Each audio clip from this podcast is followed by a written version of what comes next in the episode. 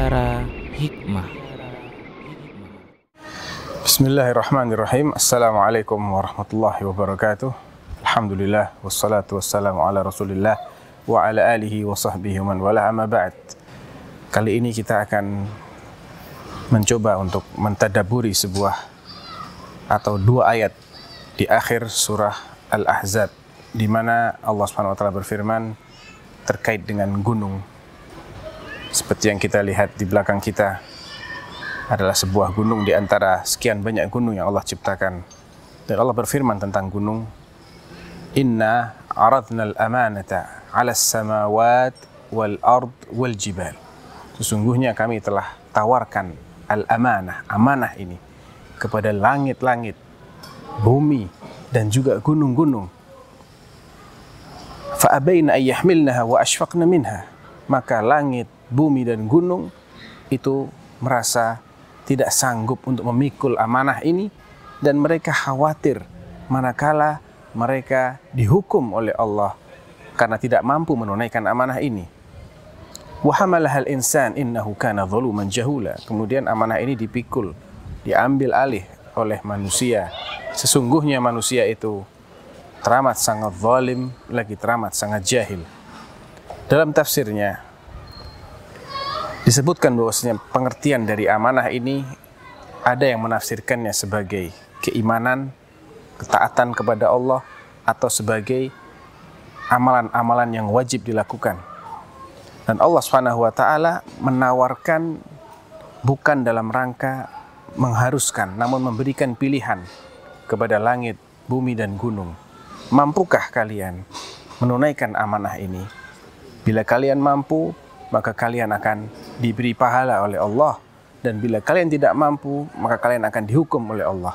Maka langit bumi dan gunung mengatakan kami tidak sanggup. Bukan karena mereka ingin menentang perintah Allah ingin bermaksiat membangkang namun karena mereka mengagungkan menganggap beratnya menganggap besarnya amanah ini dan mereka merasa khawatir manakala mereka tidak mampu menunaikan kewajibannya. Akan tapi kemudian tawaran itu diambil alih oleh manusia oleh Adam alaihi salatu wasalam dan oleh anak keturunannya. Innahu kana zaluman jahula. Sungguhnya manusia itu memiliki karakter zalim. Sehingga dengan kezalimannya ini dia akan sengaja menyia-nyiakan amanah jahul sehingga dengan kejahilannya ini dia akan teledor dan tidak menunaikan amanah dengan baik.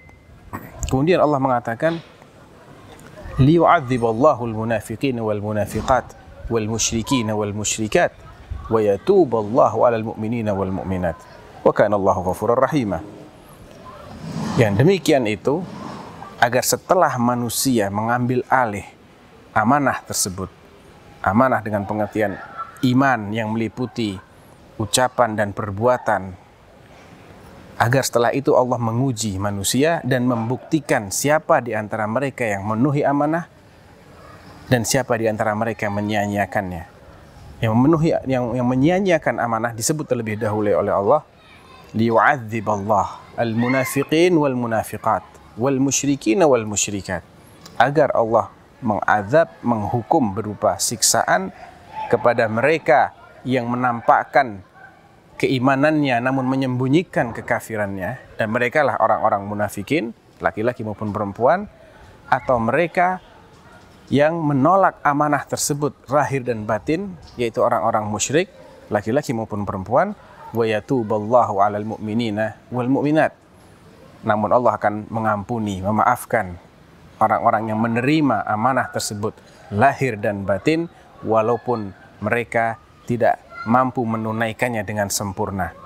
Tapi Allah akan terima dan Allah akan ampuni dosanya. Wa kana Allahu ghafurur rahimah. Dan adalah Allah Subhanahu wa taala zat yang Maha Pengampun lagi Maha Penyayang.